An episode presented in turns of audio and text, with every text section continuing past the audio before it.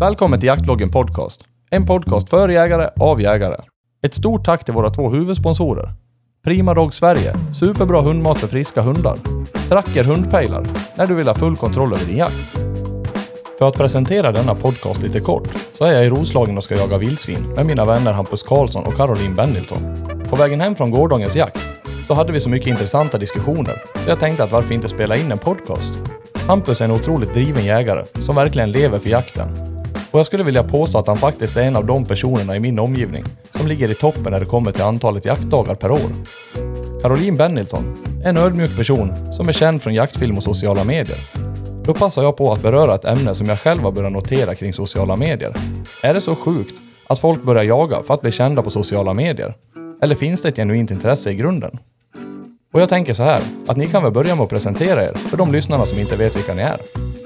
Ja, mitt namn är Caroline Bennilton. Jag är 25 år, kommer ifrån Lidköping i Västra Götaland och bor nu sedan typ fyra veckor tillbaks på Rå Rådmansö, Grädde, utanför Norrtälje. Med min pojkvän Hampus. Så då kan du köra på här Hampus, vem du är då. Ja, jag heter Hampus Karlsson då, eh, 30 år, kommer från eh, Norrtälje, Rådmansö. Ja, du kommer härifrån? Ja, jag från kommer- början? Ja, Jaha. farmors släkt är här sedan 1500-talet. Typ. Riktig Så jag är rospigg. riktig rospigg. Men alltså det här huset som ni har köpt, eller ni hyr ju det här huset nu, stod Ja. det här på, på samma ställe som när, när du växte upp här ute på Rådmansö? Ja, Vad kul ändå, då, är det, alltså, då finns det ändå en historia här. ja, ja, precis. Det s- syns ju inte, men det här huset är så här supergammalt. Sen har ju de ju renoverat upp det här, så att det, det är typ nytt. Men Ja, men han som köpte huset, alltså han som som köpte den här gården då, han eh, renoverade den för fyra år sedan eller någonting och då, då var ju det här huset mer eller mindre fallfärdigt. Ja, just det. så fräschade han upp det och sen så fick vi turen att få hyra det. Ja, jag kom ju in här och tänkte, vad fan är nybygge? Ja, ja. Nej men det är jättefint. Vi trivs jättebra. Så det är kul att du är här också. Vi sitter i vårt kök Ja, och precis. poddar. Alltså på sommaren, det här är ju ett litet bastuhus. Ja. Och det- Alltså det går ju typ inte att vädra heller för att alltså, luften utanför är ju varm. Så att vi, eh, det är svettigt. Ja, och vi har ju haft fönstren uppe och korsdrag och då fläktar det ändå lite, men Ja. det spelar ingen roll, så fort man kommer ifrån det så är man ju dyngsvettig. Ja, men du, sen är ju, huset ligger helt öppet, det är ju liksom ingen skog runt omkring, så det är ingen skugga överhuvudtaget. Nej, precis. Det ligger... Här skulle man ju haft solpaneler. Ja. Det kan vi ta en annan Ja, gång. sant. alltså jag gillar ju värme. Eller jag, har ju, jag är bra på att sitta i bastu länge. Och sen så, när du säger att nu är det så varmt så att jag klarar inte mer, då känner jag, men nu är det ganska bekvämt. Men det här är inte som, alltså, i och för sig är det ju här en bastu, men man vill ju inte vara vistas i en bastu då kanske så här, ja, 12 timmar istället. Nej men ni sitter ju i t-shirt och jag sitter i tjocktröja just nu. Ja, men det- alltså, ja, men du har ju underställ också. Inte Nej. nu. Men jag har ett linne på mig under faktiskt. Ja. Jag fick inte du den snappen när vi skulle ut och jaga, när hon hade med sig den här vintermössan? Nej, det fick jag inte. Var Avignon. det nyss eller? Ja, men det var, när var det? Det var ju... Det var ju några veckor sedan. Ja, då var ju så mycket myggor. Så då drog hon på sig Avignons, den här jäkla skinnmössan med kaninskinn. Nej. Alltså en sån, är eh, Ja, men jag hade, ursäkta uttrycket, björn, som man brukar kalla dem. En, en björnhörna då. Ja, precis. Ett ord. Men det var ju skitbra. Det var inga mygg som åt upp mina öron. nej då. Karo gick vintermunderad. Folk bara, "Jaha, hur kommer hon gå när det är vinter sen då? Ja, precis. Ja, det här med att frysa har man ju bara fått vänja sig vid. Eh, Men innan vi ramlar in på för mycket med det här med jakten i spannmålet som vi också ska prata om och eh, både jakten vi hade igår och sen ska vi prata lite om förväntningarna som vi har på jakten som kommer om några timmar här. Eh, Så tänker jag så här att vi börjar med dig Hampus då. Alltså hur du började jaga. Eh, jag var 11 år. Eh, min farfar tog med mig ut för att han behövde ha någon som fångade hans drever och han hade en riktig urdrever. De här som jagar hur länge som helst och lite smågriniga. Och den här drevern var ju döv då, dessutom. Så det gick ju liksom inte att kalla in den. Då var jag med i en jakt och eh, fick springa ikapp den där ute på ett hygge och koppla den och den mordrade och grejer. Så här. Och sen efter vi hade kopplat den så ställde vi oss på pass och farfar sköt då en killing för en basset där. Och den pulsen jag upplevde då, det går liksom inte att beskriva. Det är, det är så starkt jaktminne. Det fick mig inse att det här vill jag hålla på med. Men hade du någon tanke på att ja, men, det kanske ska bli kul att hänga med farfar på jakt? Eller var det bara så här, ja, farfar behöver hjälp för han går lite, han har ont i ett knä, så jag hänger med honom och hjälper honom idag? Eller var det så här, ja, men jakten kanske är kul? Minns du något så här? Nej, jag, alltså, jag, det kommer jag faktiskt inte ihåg. Utan jag tror mer att det var att farfar, ja nu ska jag följa med ut och jaga här nu. Jag, jag hade ju skjutit lite med honom innan. Jag hade inte jagat, utan jag var med och sköt mycket hagel, jaktstigar. Och, Ja. så ha- hade, han har ju en egen älgbana med luftgevär nere i garaget. Så där har man ju stått och nötit ganska mycket. Och det var ju där jag började skjuta. Liksom. Och det om någonting är ju sjukt bra träning alltså. Men det går, det går inte att skjuta mot honom. För det är, Jag tänkte precis säga Nej, det, det är men- ingen som kan ta, ta honom på det. men han har ju stått och skjutit det så mycket så att liksom hans höft är in i, vad ska man säga, nernött till Ja. den svingen liksom. Ja, och sen då kan vi väl gå över till Caroline då. Hur började du jaga? Det är tack vare min mamma brukar jag säga. Vi har ju alltid, min familj har, eh, har alltid jagat. Våra marker ligger utanför Åtvidaberg i Östergötland. Så när jag var tre år så släpade mamma med mig ut på mitt första drev. Och jag har jättemycket minnen eh, när jag var liten och jag är så glad över att hon orkade ha med en liten unge på jakt. Liksom. Det är häftigt, alla föräldrar som tar med sina barn ut på jakt tycker jag. Att de orkar. ja, men också så jäkla tidigt också. Eller hur? Jag var liksom tre år och jag tyckte det var jävligt kul. Och jag bodde ju varannan helg hos min mamma eftersom jag växte upp hos min pappa i Lidköping.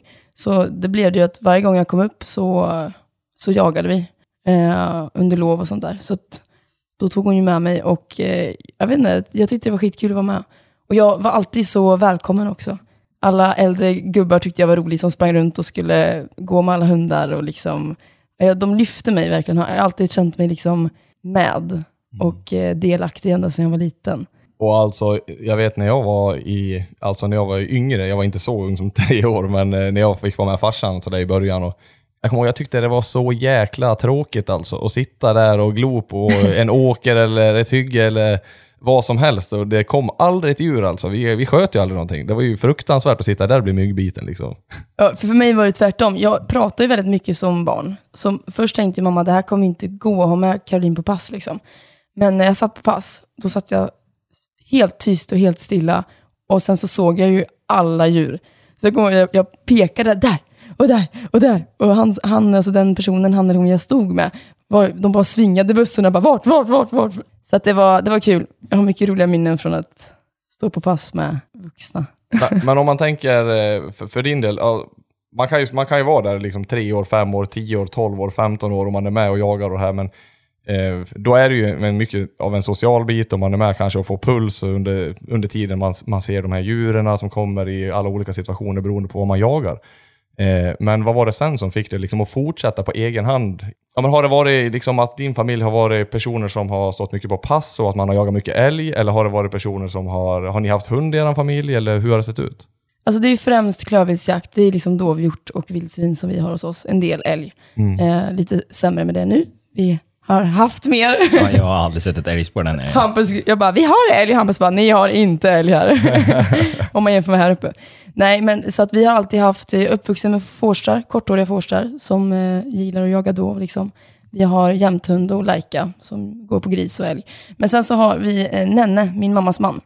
Han eh, har verkligen axlat liksom, mig sedan jag var, ja, men sedan jag var i 15-14 års åldern med jakten. Just han, han köpte liksom jaktkläder, jag fick min första kniv av honom. Eh, han fixade eh, luftgevär så jag kunde öva med. Han, han verkligen uppmuntrade mig till det. Och han jobbade ju även inom eh, jakten med kikarsikten och sånt. Så jag fick ju efter min skoltid sen börja jobba smått med honom inom branschen. Och då när jag var runt och fick träffa alla leverantörer och bara allmänt snacka jakt så, så bara växte det intresset. Liksom. Men eh, så när jag var 19 tog jag min jägarexamen. Så det är mycket tack vare honom och hans pushande. Liksom. Ja, men det är alltså det, och det är kul det där om man har en, eh, som en mentor då, som pushar en och hjälper en och hela den här biten. Ja. Det är viktigt, jag tror att alla behöver en sån, eller har haft en sån. Någon person, alltså ni har ju säkert också haft någon person som bara, det här är en kunnig jägare man ser upp till. Jag lyssnar extra mycket på han eller henne. Liksom. Ja, men verkligen. Man blir ju väldigt tacksam att man haft den möjligheten att kunna jaga sen barnsben, alltså och ha det jakten med sig. Till skillnad från folk som kanske kommer på på äldre dagar att man ska lära sig jaga. Det är en helt annan sak tror jag. Jo, men och framförallt det här så om folk som börjar jaga när de är kanske 25, 30, 35, 40, 45. Det, är ju, det har ju blivit en sån nisch, alltså framförallt söderut så har det blivit en sån nisch att det är nästan trendigt att jaga. Och alla ska ha de här absolut dyraste kläderna och hela den här biten. Ja, men och sen, och så har man ingen jaktlig bakgrund. Du har inte det här, äh, vad ska man säga, allmogejakten i bakgrunden, utan du har sett på jaktfilmer och ser när folk åker runt på köpejakter och grejer och det är det som är jakt för dem.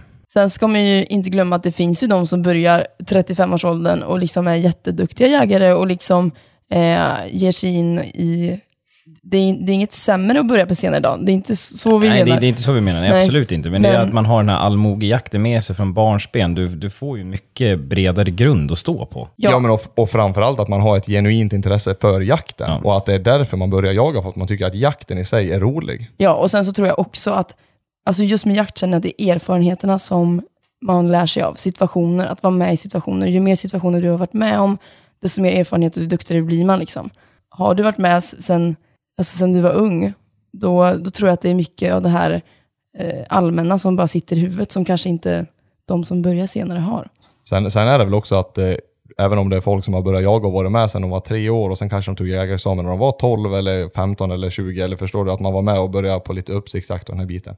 Även om man har hållit, varit med den biten hela tiden. Men sen kanske man jagar ja, älgjaktsveckan på sin höjd. Jag menar, då spelar det ingen roll om du har jagat i 40 år. Ja, det, det är ju såklart skillnad på folk. Alltså, jagar man mycket eller jagar man lite? Varför jagar man? Vill man lära sig? Så det är så många aspekter i det. Sen finns det de som, som nöjer sig med att ha två veckor om året som de jagar. Och det är, så här, det är det som är så häftigt tycker jag, att vi jägare i Sverige är så olika. Alltså, det finns så mycket olika jaktformer och alla jagar på helt olika sätt. Jag menar, vi tre som sitter här, det är kanske, vi är inte de som jagar två veckor om året. Vi jagar två dagar i veckan, året om minst. Typ, kanske, jag vet inte. Men alltså, förstår ni? Så att ju, man kan ju ha flera intressen. Ja men absolut, så, så är det verkligen. Och vi som tre som sitter här, alltså vi tre jagar ju otroligt olika, otroligt olika nischade på, eh, Ja. i våra jakter kan man säga. Alltså otroligt olika. Eh, nu är jag fördomsfull här Caroline. Säger du, säger du, säger du passkytt så blir jag ledsen. Eh, Nej men alltså, du, och du ju som vi pratade igår här, det är ju, du har ju kanske det här, du tycker det är absolut roligast, det är ju kanske att stå på en drevjakt, eller alltså klövviltsjakten överlag, den här dovhjortsjakten, det finns mycket variationer variation i där man kan pyscha, drevjakten, stöthundar och den biten. Och Hampus eh, har ju liksom sin nisch kring älgjakten med löshund och eh, även såthunden här liksom i Roslagen, Sörmland. Och som jag då jagar ju med stövar och terrier till eh, 90% av min tid. Otroligt olika. Verkligen. Sen så är det ju så svårt, den här frågan med favoritjakt och sånt. Ja. Det är så svårt att, att svara på den. För att jag gillar ju verkligen den här omväxlingen i Sverige, att man kan jaga allt på hur många olika sätt som helst. Liksom. Sen så nu när, när jag träffade Hampus så har jag fått upp ögonen mer för alltså just älgjakten. Det har inte, det, alltså, jag har jagat älg, men inte på det sättet som Hampus jagar älg. Eh, och det är jädrigt coolt att se men alltså, ditt band som du har med dina hundar, liksom, och hur ni jobbar i skogen. Alltså bara, bara gå bredvid och titta. Alltså, det, jag tycker det är skithäftigt. Mm. Och det var ju också någonting som vi kom in på mycket igår, det här eh, med Alltså kanske varför man jagar som du och jag Hampus, eh, har, har ju väldigt mycket det här att man man jobbar ju väldigt mycket med sina hundar och någonstans så är det ju det som är en väldigt stor del av jakten också. Att man vill, eh, alltså man utvecklas ihop med hundarna, man lär sig hundarna. Eh, Det är många steg i det där. Ja, men se utvecklingen på en hund också. Från att gå från valp till, som vi sa, att vissa dagar så kanske man vill dränka dem när det inte går bra alls. Ja. Liksom. Och sen andra dagar så är det liksom, det finns inget bättre. Nej, precis. Och det är liksom, när man väl får dem sen uppe i äldre ålder och man ser vad man har arbetat fram, Mm. det är oslagbart. Liksom. Ja, absolut. Och sen har man, eh, ja som du säger, vissa hundar som man i- ibland... eh, Ja, fy fasen alltså. Man sliter sitt hår minst sagt. Ja, ähm, Våfflan! Ja, men men hon är ändå en hund som, det ska jag säga, hon är en hund som jag har slitit minst hår över i mitt liv. ja, men alltså, jag hade ju som eh, Pu en sväng här i början, då, så här, då tänkte jag, vad är det för fel på den här hunden? Då, då kommer han med en älg på en väg. Han hade precis tagit upp den. Springer upp i en skogsbacke, älgen kommer ut på nästa väg, som är 200 meter längre bort. Då när han kommer ut på vägen, nej, då tar han vägen och så går han ner i ett jävla tomtområde. Liksom då bara, vad gör du för någonting? Ja. Du- Du, han, han- hade ju kontakt med älgen, det var inte så att älgen sprang ifrån honom, men han kom ut på den här grusvägen och bara, Nå, det här var inte så roligt. Då, då, då liksom undrar man, och då hade jag ju ändå skjutit ett par älgar för honom. Okej. Ja, och då liksom undrar man, vad, håller, vad gör du? Så bara, är du inte här vill göra eller? Nej, precis. Vill du inte jaga eller vad är det för fel på Du dig? sa ju att... ja. Och det, det är nog många som, alltså när man ser det där själv, eh, då har man ju det konkret. Det finns liksom ingen, undanflykt i det heller. Men ser man bara att hunden är på en pejl, att den eh, ja, springer en mil, mil, en kilometer eller vad som helst, sen bryter den och kommer tillbaka eller vad som helst. Då tänker man kanske att ja, men den kommer efter. Eh, många hundar bryter ju då när de kommer efter, men eh, så var det ju inte i det här fallet. Då. Nej. Nej, han hittade, han hittade på någonting annat. Och sen så var det en annan gång när du och jag var ute, Karo, när han gick på en jävla gångstigare som var i skogen. Ja. Jag släppte han det första han gjorde, sprang på den här stigen, sen bara, ja, nu är ute och går en promenad.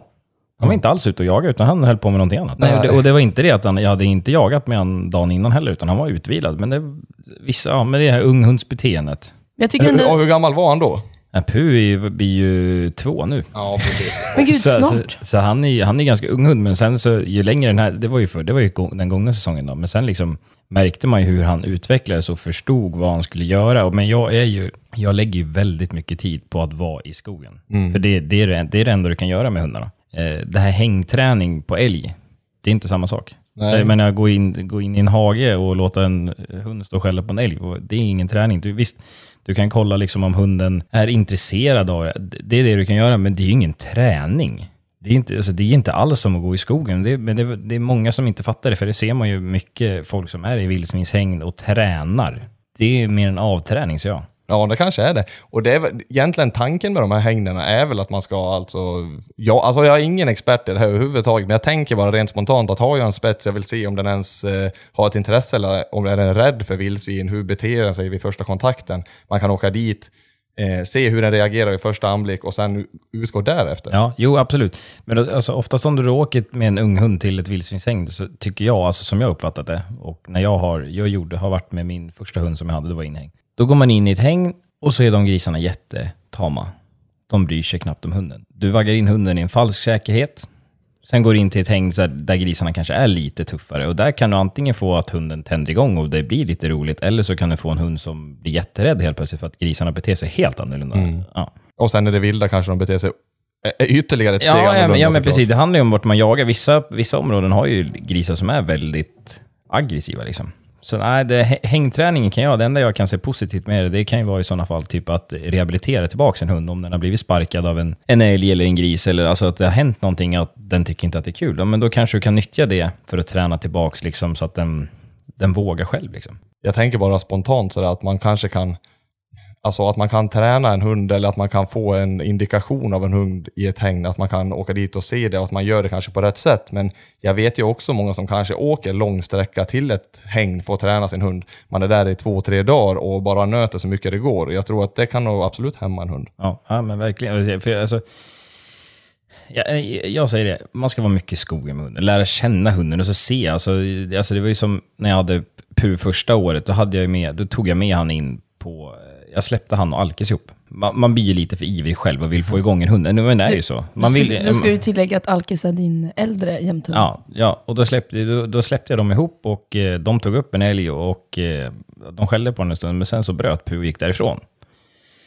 Och eh, då gick jag och hämtade honom och så gick vi in på ståndskall ihop. Men jag, då märkte jag att han var ju inte redo, han stod ju vid mina fötter och skällde. Men jag sköt den där älgen ändå. Men då bröt jag, då jagade jag ingenting med honom den säsongen.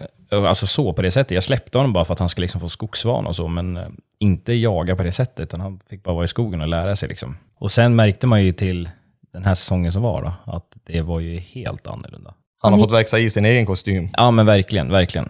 Och se som Walter till exempel, jag provade han första gången på grävling. Han stod ju bara där och kollade himlen och ville liksom inte vara i närheten av den överhuvudtaget. Nej. Också ihop med en annan hund som stod på ett ståndskall då.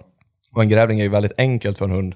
Stövarna har ju många gånger inte det här beteendet kanske att de vill stå på ett ståndskall överhuvudtaget. De vill driva. Han ville ju inte. Han, det var för mycket för honom. Det liksom varit alldeles för jobbigt och han ville inte ens se åt den här grävlingen. Så jag lät ju han bara stå. Stå fick han absolut inte göra. Han fick jaga ganska mycket. Men jag, absolut inte att jag försökte prägla honom på någon grävling på något vis. Och sen år efter, samma sak där. Det var bara som att det han fick några chanser och sen bara klickade det till och verkligen sådär att han har mognat och vuxit i sin egen kostym så att säga. Jag tycker ni är väldigt kloka. Ja, men alltså det, jag sa det i någon annan podd här också, att man kan ju sitta och vara extremt pedagogisk här eh, när man sitter och pratar och även när man pratar med folk över telefon och sen när man väl är i skogen och saker inte går riktigt som det ska göra, då, då är det ibland svårt till och med att tänka klart. Ja, men så är det ju. Och sen så kan jag, alltså, jag har ju aldrig haft en egen, egen hund. Jag har ju bara haft familjens hundar liksom och sådär. Jag kan tänka mig att när man väl skaffar sig sin egna sen, att det här med att vara konsekvent hela tiden. Det är ju skitsvårt. Det är ju liksom 24 timmar om dygnet. Ja, nu skrattar Hampus, han är jättekonsekvent kanske. Men det här med att, eh, jag har ju lite svårt med att det, Jag tycker de är så söta. Jag bara, Ge dem inte mat vid bordet. Så här. Jag är så rädd för att, för, för jag vill ju skaffa mig en egen forster och det kommer jag göra någon dag. Så fort eh, man känner att man är redo liksom. Eh, och jag är så rädd att man ska fejla typ. Eller jag känner bara, jag kommer nog ha en väldigt press på mig. Jag vill så gärna att det ska bli bra. Och jag kommer nog, jag vet inte, jag, jag tror att det kommer bli en utmaning. En kul utmaning såklart. Men eh, jag vet inte hur det är. Jag vill inte vara för, jag, man vill inte liksom låta hunden bestämma över den. Det får inte bli så. Nej, för i synnerhet kanske inte en stor forster och Nej. en hane eller så. Precis. Nej, det är extra viktigt. Gud, jag känner bara så här, en stor forsterhane. Jag, åh, jag, usch. Nej, men alltså det ska jag inte säga. Ja, men jag var livrädd. Det är ganska otroligt. Eh, Jag var livrädd för hundar när jag var liten. Alltså otroligt hundrädd. Under ganska lång tid av min uppväxt. Min far då, ska, vi skaffade en shetland sheepdog eh, som vi tog över som, eh, som en omplaceringshund. Och alltså jag var livrädd för den. Det var liksom det snällaste hunden eh, man någonsin har träffat. Ja. Och jag var totalt livrädd för den ändå. Men, var du med om någonting? Eller var, Nej, det var, det, egentligen så var det så här att jag var uppväxt hemma hos min mamma upp till jag var tio år. Vi hade, aldrig, vi hade inga hundar överhuvudtaget och jag hade aldrig varit i kontakt med hundar på det viset eh, upp till den åldern. Och sen när det liksom, det, det blir ju någonting som man inte litar på och har inget förtroende för dem. Nej. Och då var jag rädd. Alltså för, och sen köpte han en Laika-hane sen som, var, som dessutom var ganska dominant. Men eh, det var han som fick mig liksom att inte vara hundrädd längre. Nej, han var riktig stjärna. Eh, du började jaga på grund av farsan eller? Ja, det, det gjorde jag. Det var egentligen så, det var, jag började jaga ganska sent om man tänker för många som började jaga vid tre års ålder och hela den här biten som var med. Även om jag var ju med eh, stundtals och jag kan inte säga att jag började jaga för det, för jag tyckte det var fantastiskt tråkigt. eh, det, var- det var liksom eh, pest och pina. Jag kommer ihåg vi satt ute och skulle jaga morkullor en natt och jag somnade och ramlade av den där stolen flera gånger. Eh, och är så här väldigt, jag vill ju röra mig, jag vill gå och jag vill prata hela tiden. Har ju- Sån har jag alltid varit.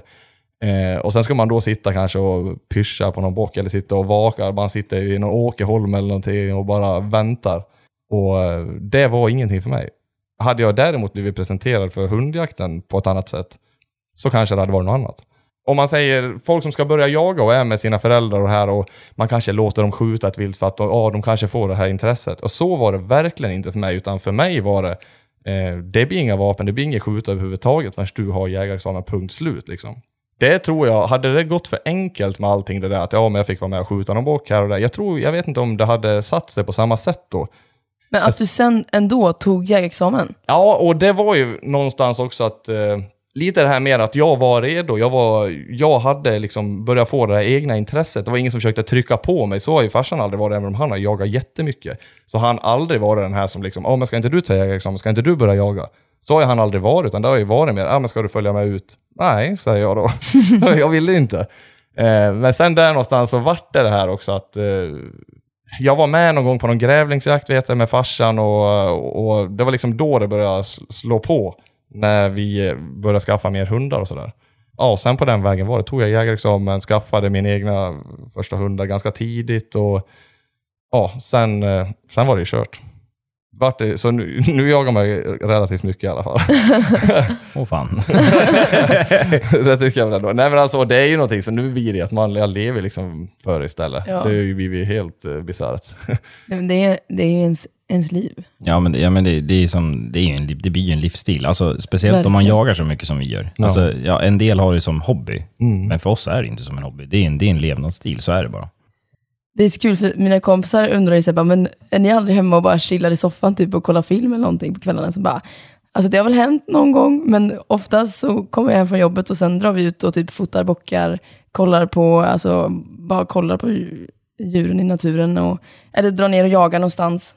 Speciellt nu på sommaren, så här vildsvin, bara går och kollar och har med oss bussen ifall att det kommer någon. Ja, men, Det är så här- ja, men Hampus, jag vet ju att du, du är rätt så intresserad av att inte bara gå runt och kolla, för du vill ju gärna ha, ha den andra biten också. Ja, men det är därför man jagar. ja, så är det.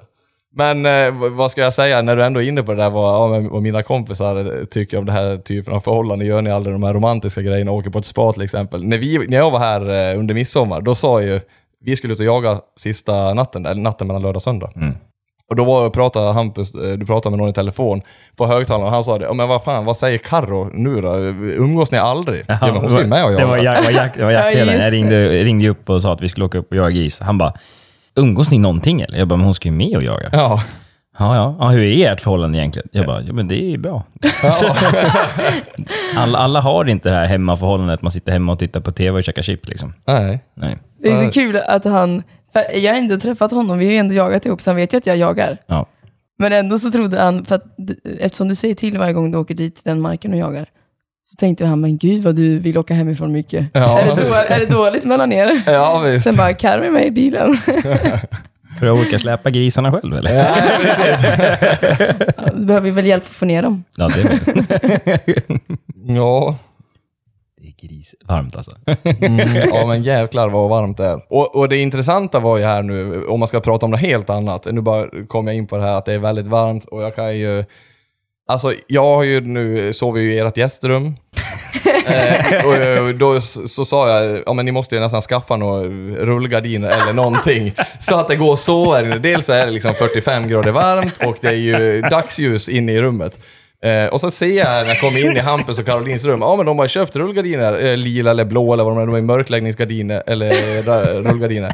Jag perfekt, så kommer jag då in i det här gästrummet, då är det typ vittransparenta eh, eh, rullgardiner. Jag tänkte, okej, jag rullar ner de här när vi kom hem i morse. Det blir nästan ljusare i rummet. Jag tänkte, jaha, är det här någon liksom skämt där?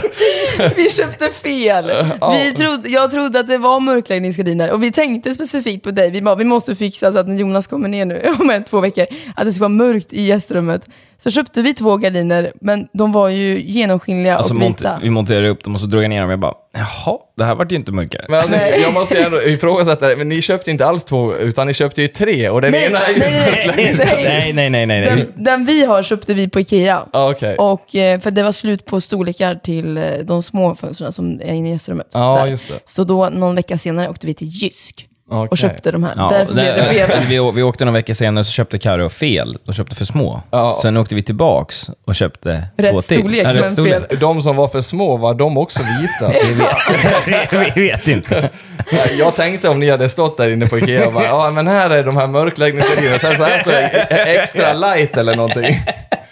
Det vi Det är. LED-belysning i dem. Ja, ja precis. Så, Nej, men i och med att det hade blivit fel en gång innan redan, så när vi hade satt upp dem och märkte att det blev fel igen, så jag orkar, jag orkar inte nej, alltså, jag, jag tänkte, när jag stod där i morse och bara, ja, hur ska jag kunna göra det här? Och försökte tänka kreativt, så du hade lagt in någon filt, alltså jättesnällt nu när, det är ju ändå, jag har ju ett duntäcke och sen en, en extra filt också här i 45 grader vänster, det är ju super liksom. Det är en ullfilt, jag tyckte det var fint. Ja, ja absolut. Jo, men det är ju bra.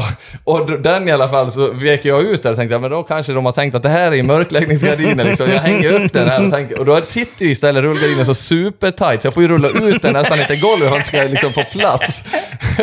Men, eh, Mm, Jag måste bara fråga, när har du stått och meckat med det här? ja men det var ju Gjorde du- halv sju i morse. När vi kom hem? Ja, Stod du och stackare? jag stod ju och höll på med det där då. Ah, herregud. Ja, men eh, Ja. jag fick inte till något jättemörker faktiskt. För det var ju två fönster och det var en filt och så. Ja, vi, kan lösa, vi får lösa Vi det har ikväll. faktiskt en till filt. Men du är en riktig så här, morgonperson har man märkt. Du vill ha- äta frukost och liksom mycket frukost och sitta och eller gå upp tidigt och sådär. Ja, men det är jag absolut. Jag, jag har alltid vaknat tidigt och sen har jag egentligen, det är ju otroligt nu att jag har ju ändå hållit mig vaken hela nätterna också när vi har jagat. Eh, annars så är jag en sån person så jag går gärna och lägger mig runt eh, tio på kvällen och sen går jag gärna upp mellan eh, sex och sju. Liksom. Ja. Eh, ja, jag, jag tycker inte om, och, eller tycker inte om, jag har aldrig klarat av att sova länge. Där är ni väldigt olika. När Hampus har somnat, då so- sover han. Ja, som en klubbad säl ungefär. Jo, jag såg det. Jag såg det, jag såg det i morse när jag var inne och väckte dig där. Och någonting som är lite tråkigt, jag har ju sett vissa så här på sociala medier som, eh, som delar bilder från förr om man säger. Eh, jag vet han Hundmatti till exempel, ett, ett konto som jag följer som jag tycker är jäkligt bra. Alltså Ja. han delar väldigt mycket de här gamla bilderna på äldre, alltså den andra Generationen. Ja, an, andra generationers jägare. Och lika när han själv var liten, han var med dem och fotograferade. Det finns ju inga sådana bilder. Nej, nej, nej. Nej, men- inte på mig. Och jag hade ju gärna haft det, den här första älgen jag sköt. Eh, hela den här biten, de första vilten man sköt. Det hade varit så roligt att ha haft kvar. Ja, ja, men faktiskt. Man ser ju som när farfar de också har de här gamla bilderna här utifrån. Den generationen är ju snart ute där. Ja. Farfar är väl bland de sista liksom, från det gardet. Liksom. Det är ju häftigt att höra de här gamla historierna. Ja, men De- alltså, från men de äldre. Ja, men kolla. Sen kollar man liksom hur de såg- var klädda. Liksom. Ja, hatt, kavaj. Alltså Ja, det är liksom så här, Det, det, Här nere kanske. Ja, ja, men, ja, men, det, det, det var inte, alltså inte finkläder, utan så här, ja, men, skjorta. Alltså det, det, det ser så simpelt ut. Ja. Simpelt Och sen idag, då bara, det ska vara camo, det ska vara det här, det ska vara... Ja, alltså, man gick ut och jagade. Det ska, man alltså, det ska man också komma ihåg att eh, det är ju såklart att eh, kläderna har ju utvecklats Ja, och vi det- har ju en större fördel idag. Men, eh, Men det- men jag det- är ju i och för sig lite fel person att säga det som har jagat i flanell fram till typ förra året. Ja, men alltså, Det jag såg ju så jag, gött ut förr i tiden. De hade Ja, så men- stora pösiga jackor. Ja. det är så simpelt. Ja, alltså, det, det, det, är liksom eh, jakten i sin enkelhet. Liksom. Ja. Ja. Sen så, jag kan ju säga det som har jobbat i butik som säljer jackkläder, att när det kom in eh, folk som precis tagit jägarexamen och ville köpa sitt första, liksom, vad ska man ha på sig? Liksom, det var, de var väldigt så här inprintade att man måste ha rätt kläder, annars blir det kaos. Och jag har märkt typ mycket nu det senaste, de jakterna som vi kör till vardags. Det är så här, jag jagar mycket i mina vanliga kläder också. Så länge du har ett par bra stövlar och liksom, alltså jag slänger på mig egentligen vad som helst. Som när vi gjorde när jag sköt min skovel där med dig. Då, hade jag en, då var det så kallt ute så jag tog min fluffiga stora svarta dunjacka. Liksom. Det är inte en, en jaktjacka för fem öre liksom, men den var skön. Väldigt tyst också. Den, Den, den, den tyst. var tyst. Hon, Okej. har, hon har andra jackor däremot som att det låter som att man Ja, varit på Coop och handlat precis. Mina Nu hör jag Hampus komma in här. Hon har en andra här Ja, så ja, de passar inte in. Nej, de, Nej, men- alltså, det, inte om man jagar älg i alla fall. För Nej. vi hade, vi hade liksom, eh, vi jagade älg i, ja, i slutet på säsongen här och då skulle Caroline få skjuta sin första älg. Så liksom, man smyger och man vet ju själv vad lite det krävs för att det ska ja, inte gå som man vill. Och så hör man den där jackan i varje steg. Och liksom, sh, sh, sh, Jag bara, ta av jackan och lägg den här. Hon bara, ja men, jag bara, vi går tillbaka och hämtar den sen. Du, kan inte ha på den där. Den där älgen kommer vara borta i Uppsala om tio minuter annars. Jag har en bra förklaring. Det är ju så här va, den är vattentät. Alltså regn, regnjacka. Alltså, det, det, jag lovar att det är inte de här flanellerna jag har jagat i. Nej men det var, jag hade liksom regnstället på mig, det är klart som fan att det låter. Det var fel val av mig på morgonen där.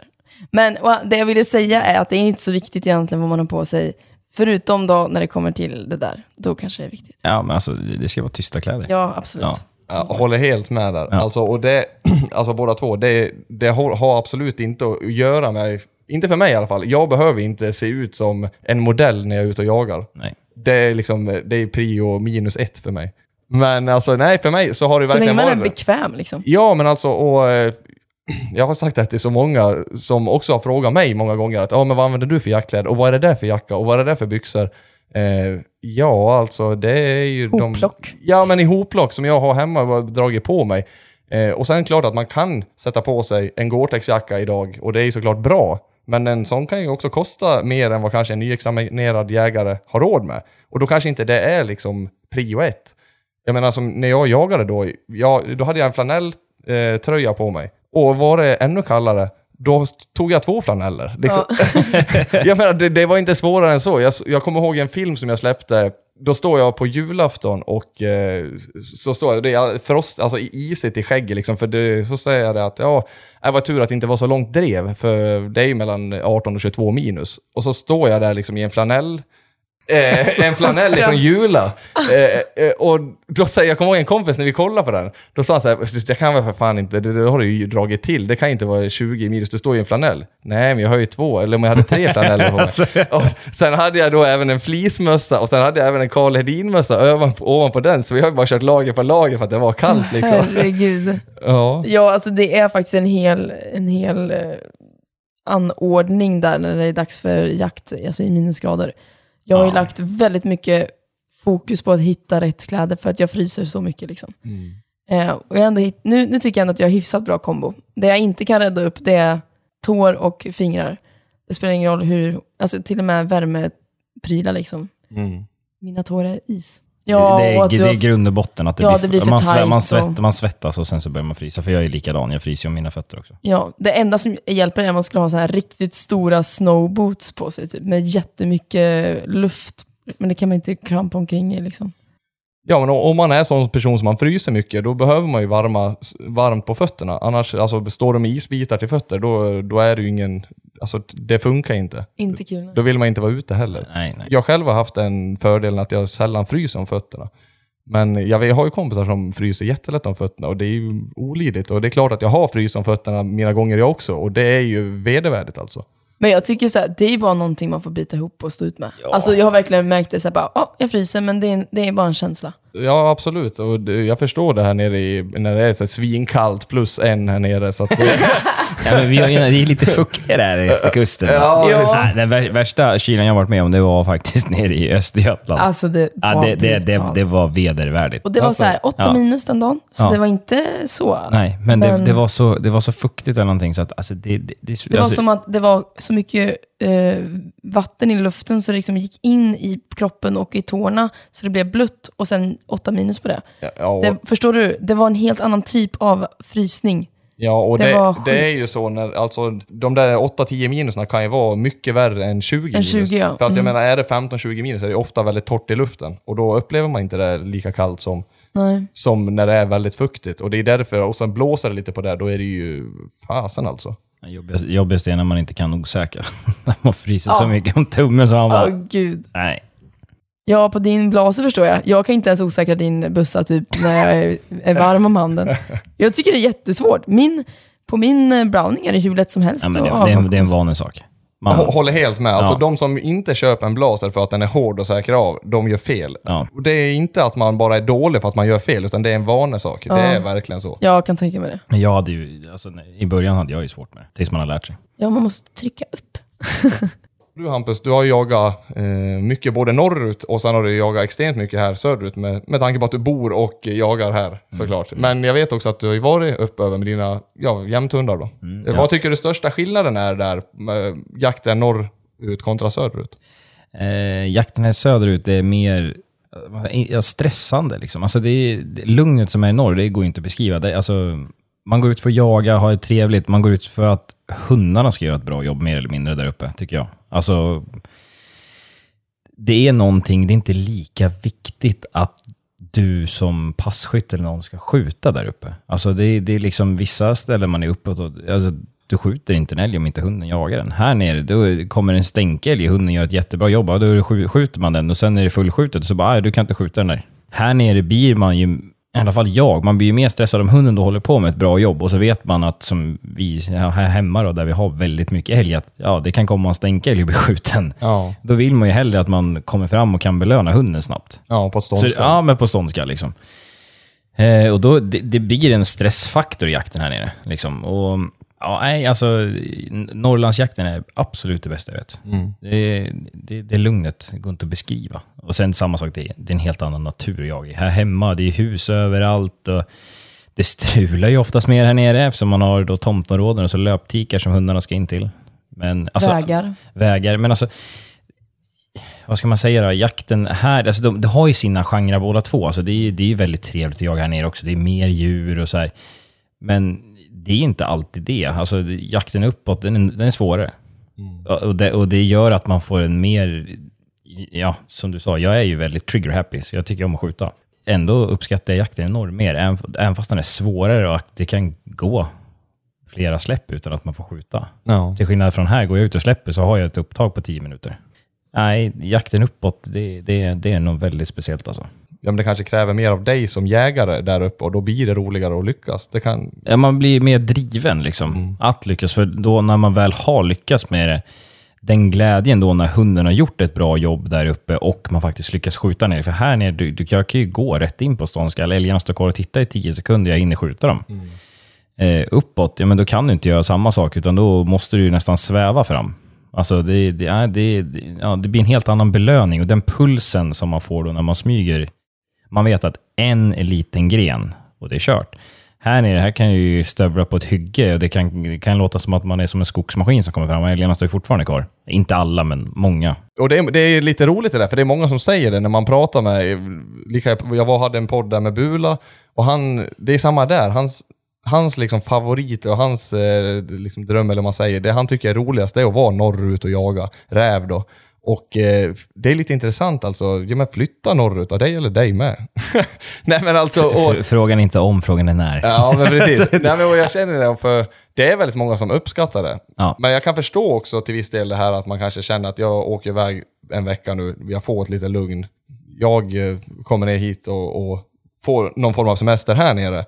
Även om, om vi skulle åka in till Stockholm så skulle jag inte känna lugn, det kan jag säga. Men, men alltså det, det blir något helt annat. Varför då, för, inte? Nej, men precis. Men alltså det blir något helt annat, för det här blir ju en jakt då som inte vi har hemma. Alltså om, om man säger så här, jakten här nere, den är ju mer, jag skulle säga att det är mer en socialisering. Alltså du, du umgås, dreven kanske är lite snabbare, liksom, man sitter inte i flera timmar och väntar. Liksom, utan man jagar ett område, man fikar lite, man, man umgås nog på ett helt annat sätt här uppe. Även fast man har fikapauser där uppe också, så när vi är uppe i Pajala, det var ju...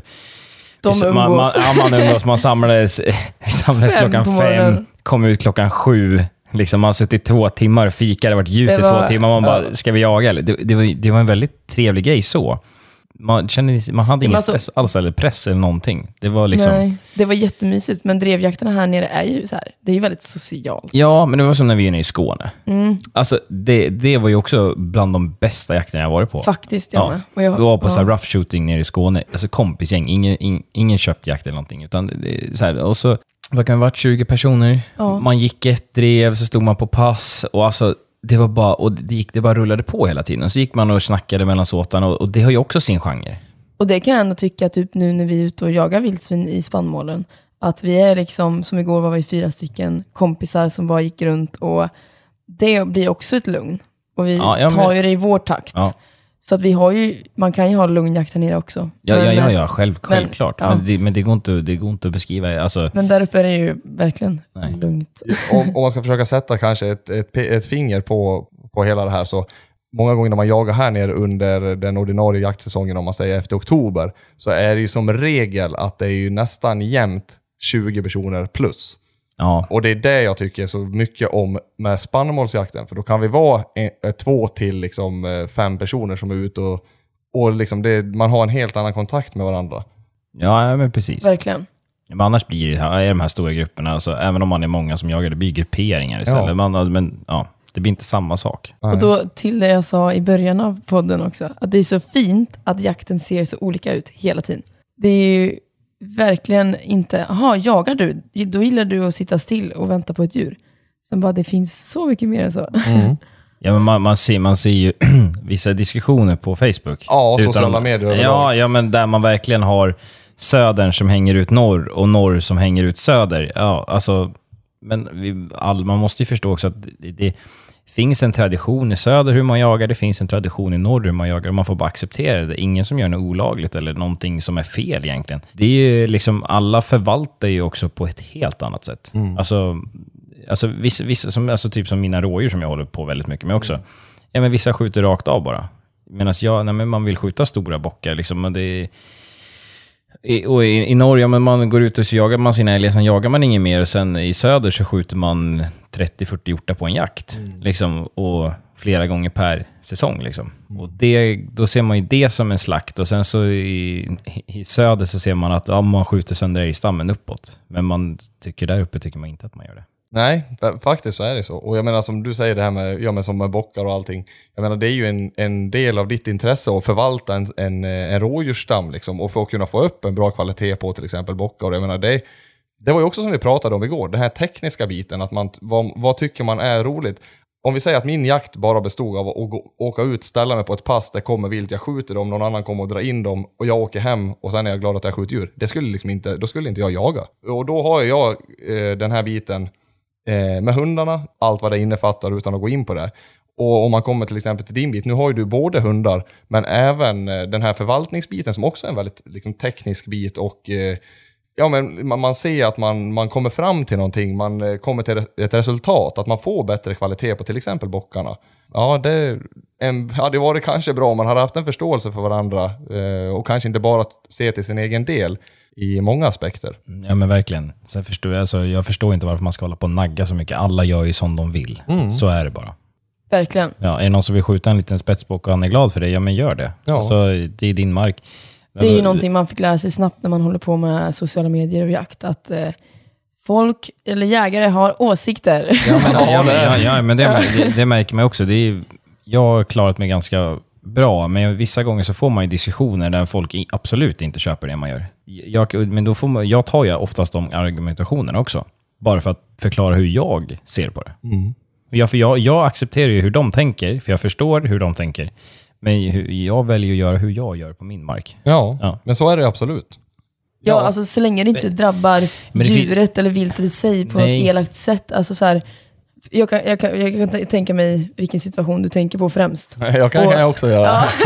det har någonting att göra med vatten och älg. Ja, och det är så här, i den, vi kan ju säga det att du sköt ju en älg som hade gått ut i vattnet.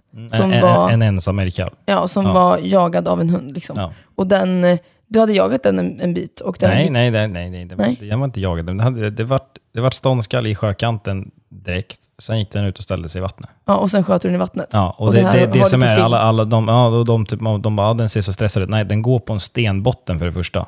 Så att den hade lite svårt att gå fram där. Och sen när vi väl släpade ut den där, för det var en ensam älgkalv, då hittade vi älgkon också död. Hon hade ju legat, alltså, den, den var kanske tre veckor någonting. Okej. Så det, det var ju en ensam kalv. Eh, men sen på det då, sen så släppte jag om hunden och då fick vi upp ko och kalv.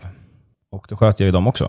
Och då tycker folk att man inte ska skjuta ko och kalv. Och då, då, då är det så här, vi har ju extremt mycket älg här. Alltså, Alltså finns det på tilldelningen? Det är klart du kan skjuta. ja, vi hade, ja, ja, jag, vi- alltså hade jag skjutit kalven när den hade springit ut en passkytt kon sen, då hade den blivit skjuten där också. Jag, hade bra två, jag fick två bra lägen så jag sköt. Och jag är så, jag skjuter. Om jag, om jag har bra lägen, då skjuter jag. Det är inte så att jag skjuter om jag har dåligt läge, utan ja, jag tar mina chanser när jag kan. Och vi har ju extremt mycket älg här och eh, vi ligger nästan på 14 älgar per tusen hektar. Så att skjuta bort en ko då och då, man måste gallra i alla led, det är det folk inte förstår. Ska de gå självdö istället?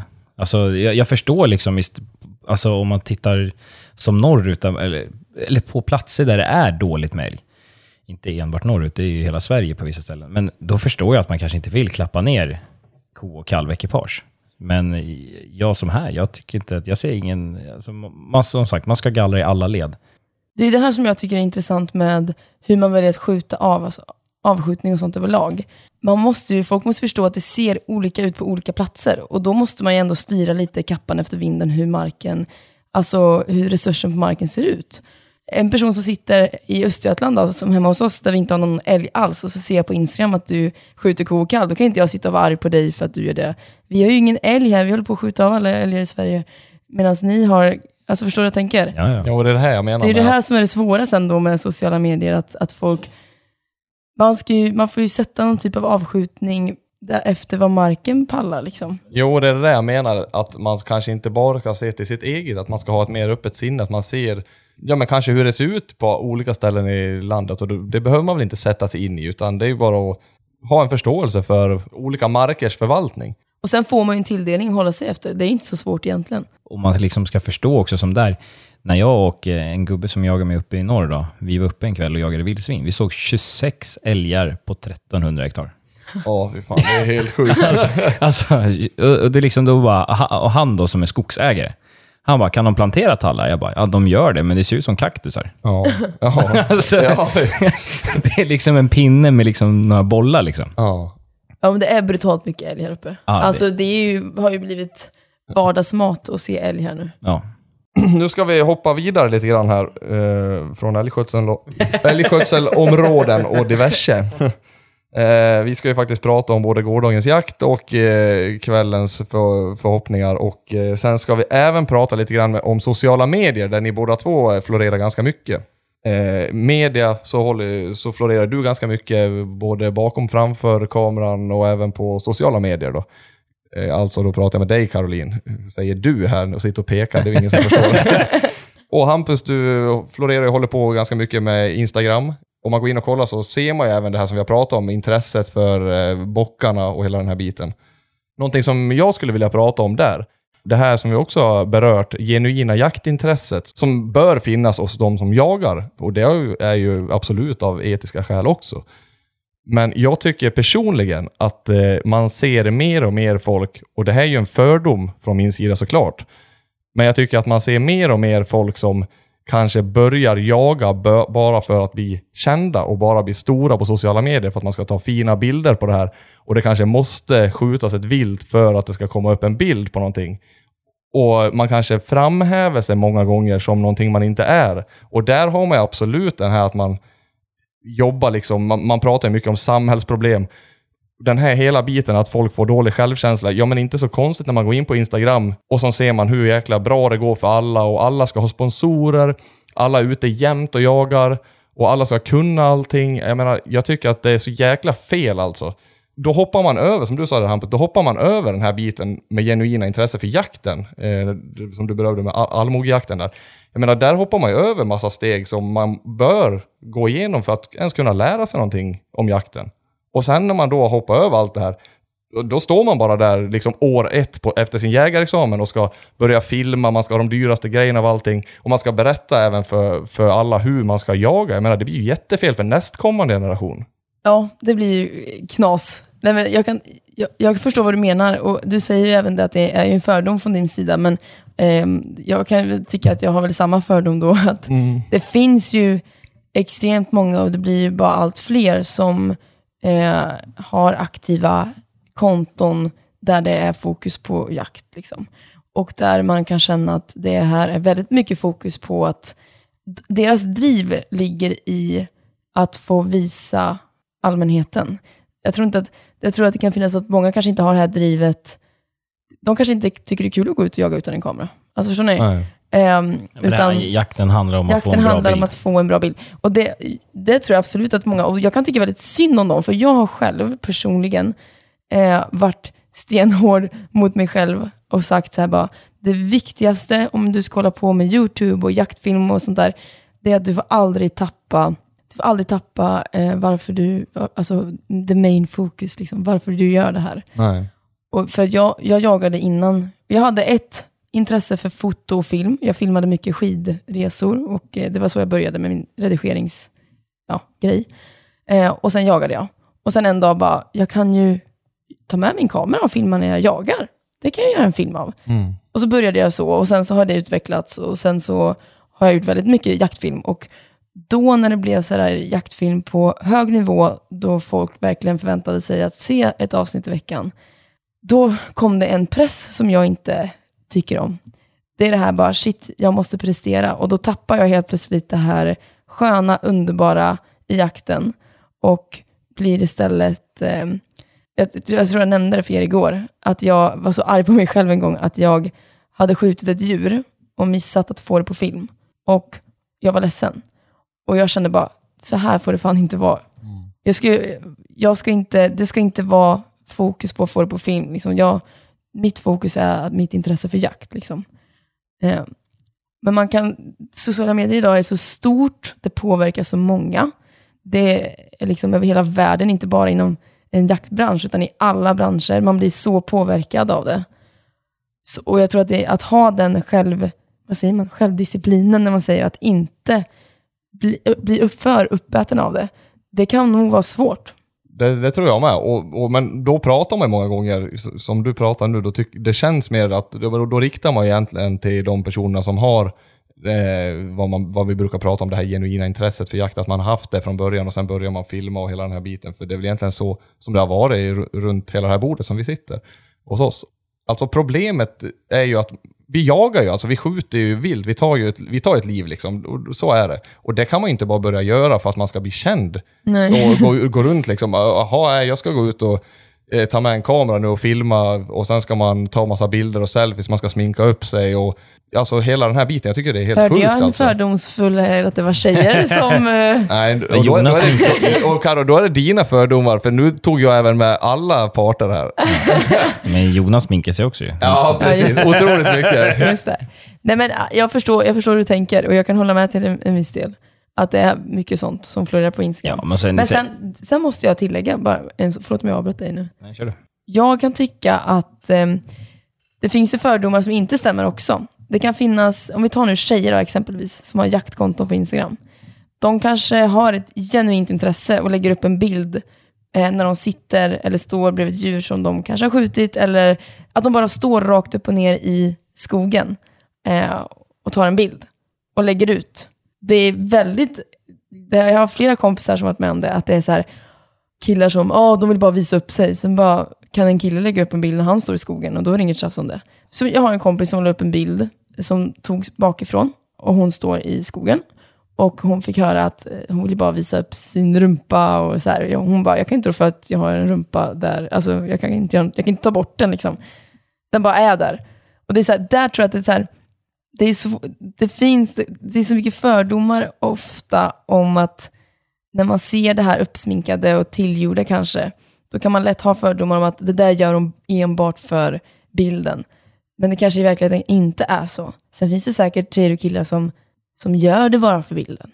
Men det är det här, man ska inte dra alla över en kam. Men eh, alltså förstår ni vad jag, vad jag försöker få fram här? Ja, ja, ja. Ja, Men alltså, det, det, ja. Blev det luddigt? Eh, Nej, det vart det egentligen inte, men eh, alltså... För att om jag tar en bild i skogen och lägger upp den. Mm. ja. Ja. är det liksom, va, vad är anledningen till det?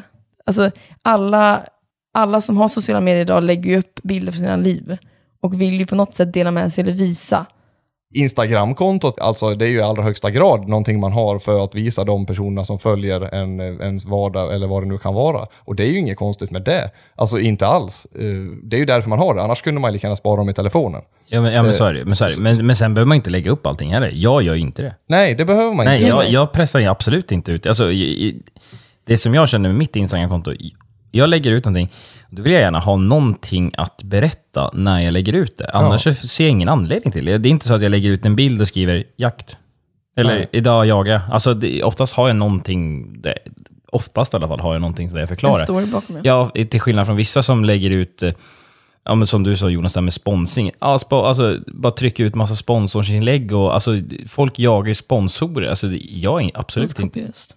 Ja, men att kopiera, jag tycker det är inte intressant. Det är inte därför jag jagar. Jag Nej. jagar inte, alltså, och, nej, jag, jag är väldigt skeptisk till sam, samarbeten överlag. Och det ställs ju väldigt stora krav på, på de personerna som knyter samarbeten och sen är det beroende på vad man har för samarbete såklart. Men, Ja, men- Där, för, för att återkoppla, ursäkta att jag lugnt. glider över här, men för att återkoppla som du sa, att om jag lägger ut en bild när jag är i skogen och din tjejkompis här lägger ut en bild när hon står i skogen och eh, folk påpekar på det, ja det är ju ett annat problem. Ja. Det, det, ja, det är ju ett annat eh, problem där. Och det är ju inte det som jag menar i eh, min presentation av det här ämnet, eller vad man ska säga. Utan det handlar ju mer om att varför jagar man? Gör man det för att man tycker att det är roligt att jaga? Gör man det för att man har det här genuina intresset för jakten? Eller gör man det för att man känner att ah, men fan, om jag tar jägarexamen, då kan jag börja filma och då kan jag få massa sponsorer. Då Ja. kan jag tjäna pengar på det här. Ja, man är det därför man jagar, då är det fel tycker jag. Precis, Ja, om man tycker att det ser ja, men, coolt ut. Ja, men liksom. absolut. Och det, det, det tror jag nog det är många som ändå, som du berättade, det, det du säger, att Ja. det, det är nog många som har gjort det. För att ja, men man vill ha en, eh, man vill vara känd. Eller Ja. liksom, ja, och eh, då startar man upp det för att man hittar en genre. Då bara, ja, jag provade gym, funkar inte. Eh, provade Ja. sport, funkar inte. Nej, jag provade mode, nej, funkar inte. Prova jakt då. Mm. Alltså, man kanske, har, man kanske har det i familjen, så att det blir kanske lite lättare att glida in på det, förstår du vad jag menar? Mm.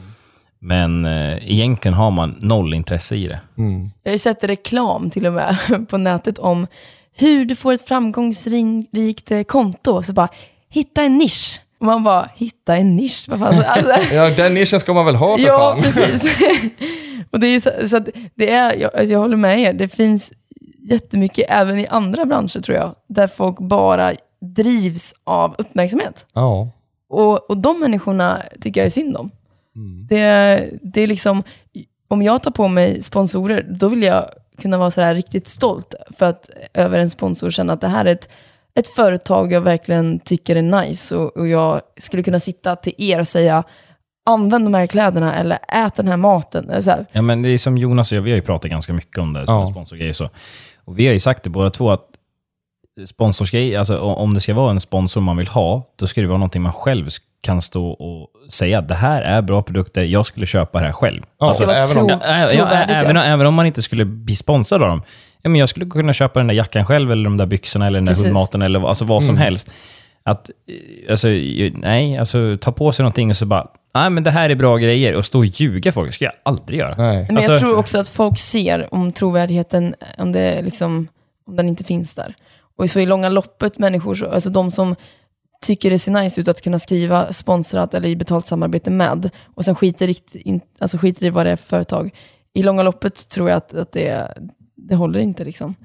Ja, för alltså det, ja, det där med samarbeten, det, det är ju egentligen... Alltså det är, ju, det är ju ingen eh, svartlistad grej, utan jag menar om jag själv använder en typ av sak och jag har gjort det under längre tid till exempel, och sen eh, så kanske det här företaget hör av sig, eller att jag rent av hör av mig till det här företaget och frågar om det, det finns intresse för ett samarbete. Ja men det är ju superbra för min del, för jag menar då kan jag få, eh, om inte så kan jag få de här grejerna gratis eller få betalt för att använda de här grejerna, eller att jag kan få rabatt, rabatterade produkter. Jag menar, det är ju superbra, det blir ju win-win för båda parter. Jag menar, då får ju de även reklam. Det är en eh, ganska så infekterad fråga och väldigt svår diskussion också. Sociala medier har ju gått lite överstyr överlag Ja, men i det, världen, ja, men det, är sam, jag. det är samma sak med folk som alltså, faktiskt gör jaktfilm på YouTube, tycker jag. Det har ju också gått överstyr. Alltså, Man lägger upp fel grejer. man lägger upp fel grejer. Jag tycker som dina filmer, Jonas, du är ändå väldigt informativ. Ja. Vad ni gör och varför man gör och liksom hur man ska tänka. Och jag tror folk inte fattar riktigt. Man blir en förebild för folk som sitter och tittar. Nya jägare som sitter och tittar på filmerna och så står man och pratar om någonting som man absolut inte har någon koll på. Du har ingen förklaring till det. Du, alltså, du, alltså, folk du måste informera mer egentligen på film vad du håller på med. Ja. För, att, för att nya jägare ser det här, jaha, det är så här man gör. Och sen så bara, nej, det är absolut inte så där att göra. Och det, alltså, och det, det är så mycket skit som läggs upp. Och- läggs upp. En stor, ett stort problem med det där, det är ju folk som faktiskt inform, informerar i sina filmer om saker och ting som, som du säger, har ingen koll Ja, ja men då, då står man där och så tror man att man har koll. Ja, för att man har läst det på Robsoft Ja, eller ja, ja. Jägarliv eller någonting. Ja, ja, ja. Och alltså, det är inte alltid som allting funkar heller som man lär, lär ut teoretiskt. Nej. Alltså hur, egentligen hur det funkar praktiskt. Det, det kan vara två helt skilda saker egentligen. Ja, och någonting som jag själv är väldigt noggrann med att poängtera i, i det, för- jag brukar ha ganska informativa Ja. eh, delar i filmerna. Någonting som jag är väldigt noga att poängtera just där och då, det är att det här är ur min synvinkel. Och det handlar ju om då inte ur min synvinkel för att eh, du har berättat det för mig, utan Nej. det är ju ur min synvinkel, alltså mina egna erfarenheter, hur jag har upplevt saker och ting. Och jag säger inte att eh, allting som jag gör är rätt eller, eller så och alla andra gör fel, så är det verkligen inte. Men däremot då, jag kan ju liksom inte starta en podd om eh, liksom Alltså bilverkstad, ska jag stå här och, eller en film, eh, YouTube-kanal liksom, ska jag stå där och berätta hur man mekar, kan jag för fan knappt byta ett tändstift i en bil. alltså förstår du, det blir så Ja. helt sjukt då. Och då folk som har koll på eh, bilar, jag menar om, om då till exempel du Hampus kollar på de här filmerna som kanske är jätteduktig på bilar, då ser ju du rakt igenom det. Ja, ja men precis. Eller, eller och då om din kompis, till exempel Andreas, skulle kolla på det som inte kan någonting om bilar, nu vet inte jag det, men jag, hypotetiskt, eh, och han då kollar på dem, då kanske han tänker, ja men det är så där man gör, jag går häller i liksom, eh, matolja i bilen, det funkar säkert jättebra. Ja, men sen, man, man ser vissa filmer som läggs ut också där det är så här, tveksamma sekvenser. Då kan ändå sitta jägare och förklara. Ja, men det är så där det ser ut. Absolut, det är så det ser ut. Vi jägare vet om att det ser ut så. Ibland i vissa... Ja, i vissa, ja, vissa, när det går lite fel, absolut, då, då ser det ut så. Eller liksom så här, men vi, du inte behöver då. inte visa det på Nej, det sättet. och- Ja, men man ska, det det är liksom så här, du ska, man ska pusha ut, var, det är det här med det här med, alltså med sociala medier rent allmänt. Du ska pusha ut allt till varje pris. Så mycket som möjligt. Ja, och liksom, man måste ha en självinsikt och förstå att våran jakt är ju angripen av folk. Ja. Så vi kan inte lägga ut allting. Även fast, och, och, alltså det är inte så, vi ska inte dölja det vi håller på med. Det, det, för det är jag väldigt klar med, att man döljer inte det man håller på med. Men man måste ändå förstå vart man visar offentligt på det sättet. Alltså, Lägg upp det på ett snyggt, respektfullt sätt. Ja, det, det, ja, men det är det lite, handlar. Lite common sense behövs här. Ja, men, men alltså, det är som den där standardgrejen när man pratar om när man ska fota ett djur. Ja, men du behöver inte fota den när vommen hänger utanför. Dra det åt sidan lite från det blodigaste och ta en bild där det ser lite bra ut. Alltså visst, sen att lite blod är med, men det behöver inte vara när man... Alltså, ni Ser vulgärt ut. Ja, Både ja och nej, för Ja. det, det ser ju ut så alltså, det här med blodiga bitarna. Ja, absolut, men man behöver inte... man behöver inte visa det grisigaste liksom. Nej, och det har ju att göra med att man behöver ju inte visa en förnedrande bilder. Om vi, och jag tycker inte att man gör så. Nej. Och dessutom så, som du sa det här med eh, att man behöver inte visa eh, de här delarna när det inte går riktigt rätt. För de här grejerna som inte går riktigt rätt, alltså vi är inte felfria på något Nej, vis. nej, för det är absolut, ingen. nej. Men, och det betyder ändå inte att det är okej. Alltså att skjuta fel djur, skjuta på fel, eh, alltså delar på ett djur, man kanske inte träffar de vitala delarna till exempel. Det betyder inte att det är okej. Och där, då, där och då kan man ju heller inte publicera det på media och liksom framhäva det som okej. Vad ska vi tre som nyexaminerade jägare, om vi nu hade varit det, vad ska vi tänka om det? När vi ser den filmen, ja men det här var en bra, välproducerad film där någon då eh, framhäver att ja, men det är okej att skjuta rakt upp eh, mot en klipp, eh, liksom eh, ovanför den här klipphällen till exempel, ingen kulfång överhuvudtaget med ett hus i bakgrunden. Så gör man inte. Nej. För att då kanske vi tre gör det nästa gång, och då har vi tre gånger till där det blir fel. Ja. Och då är det ju synd att den här hetsen på Instagram och YouTube finns, att man måste ständigt liksom ligga ute med content. Ja, Och då blir det ju istället att de tummar på contenten och liksom känner att okej, det här var kanske inte skitbra, men vi släpper det ändå för vi måste släppa något. Liksom. precis. Eh, och jag har själv varit där, alltså då jag känner att det här är material jag inte vill använda. Liksom. Och då får man sitta och, liksom, och det, då får man sitta och väga, så här, bara, okej, men ska vi försöka förklara hur det gick till? Även fast det ser bra ut, eller inte ser bra ut, så kan vi förklara det på något sätt. Och hur kan vi vända och vrida på det, eller ska vi bara radera det helt? Och så här. Ja, jag, jag står ju helt för att radera det Ja, helt. Eller ha kvar då- det på datorn och de, där... Nej men precis, inte lägga upp. Nej. Alltså jätteonödigt, lägg upp det fina istället. Precis. Du behöver inte alla gånger bara vara det Nej, finaste, men man, man, vackraste. ska, men- man, ska, alltså, man behöver inte försköna det på det sättet. Alltså, Nej. Vi, alltså, jakt ser ut på ett sätt och så är det bara punkt slut. Ja. Vi jagar för att skjuta djur, punkt slut.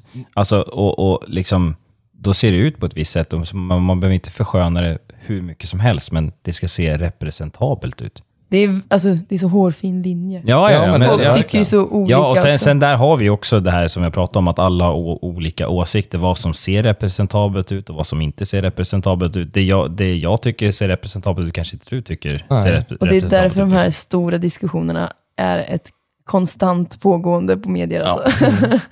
Ja, Jo, men och där, där är det också en sån här del att, nu leker jag med tanken och backa tillbaka ett band.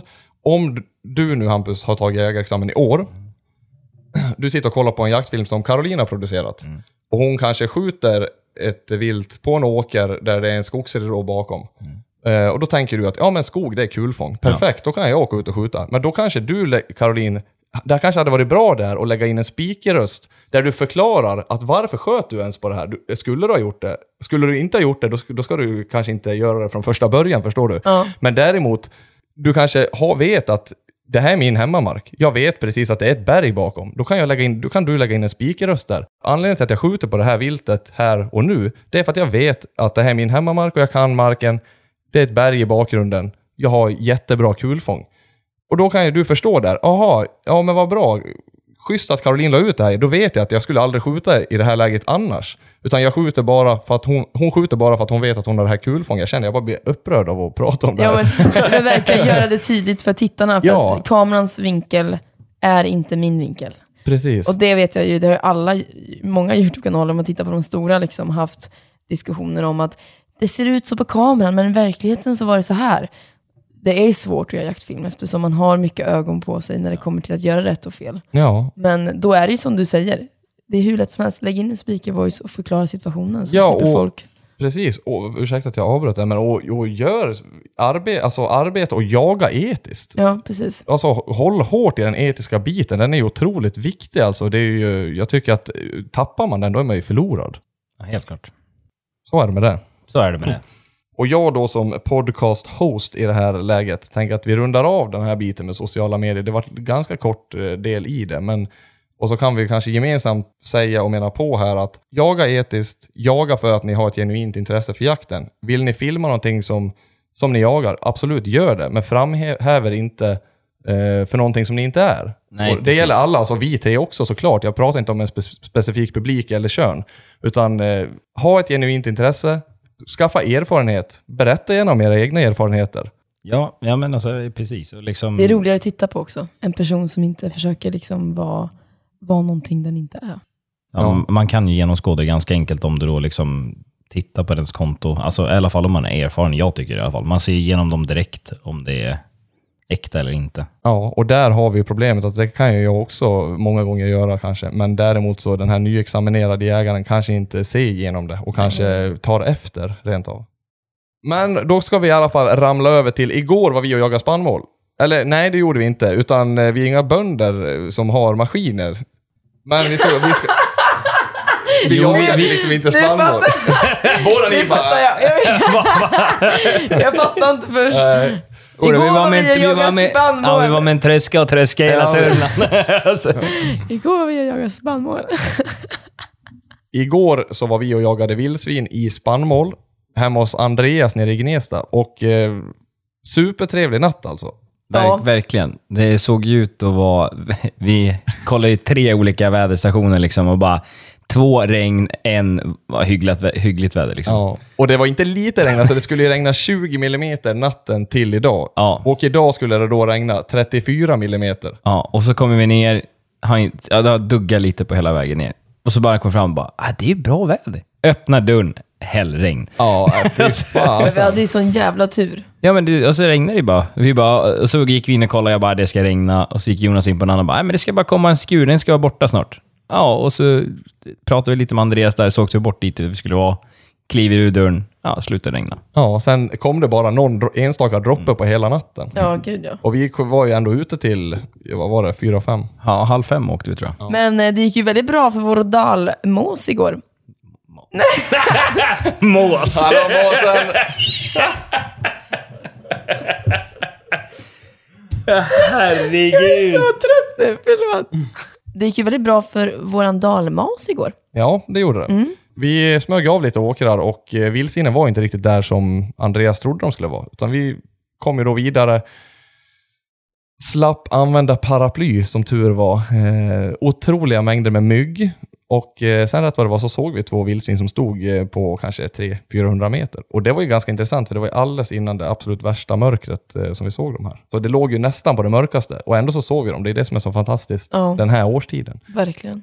Någonstans så var ju den ganska kuperad den här marken, alltså åkrarna. Ja, det var, den var väldigt häftig. Riktigt bra pyschmark skulle jag Ja. säga. Så fint. Ja, det här, det här kupe, som du Lite säger, träd. kuperade, lite holmar. Lite buskar. Ja, och så dik, det här diket som gick med. Alltså allting fanns ju. Det var sån ja, riktigt drömpyschmiljö skulle jag säga. Ja, men faktiskt. Och det var ju så roligt därför vi hade ju i princip vinden emot oss den större delen av marken. Den snurrade åt helt fel Ja, håll så, varje gång. så fort så bara, vi började gå, ja, hade vinden i ansiktet, gick 100 meter, nej, då vände vinden och så var den i ryggen. Vi bara, vad är det här? Ja. Så gick man 100 meter till, ja, då skiftade den igen. Så, Ja.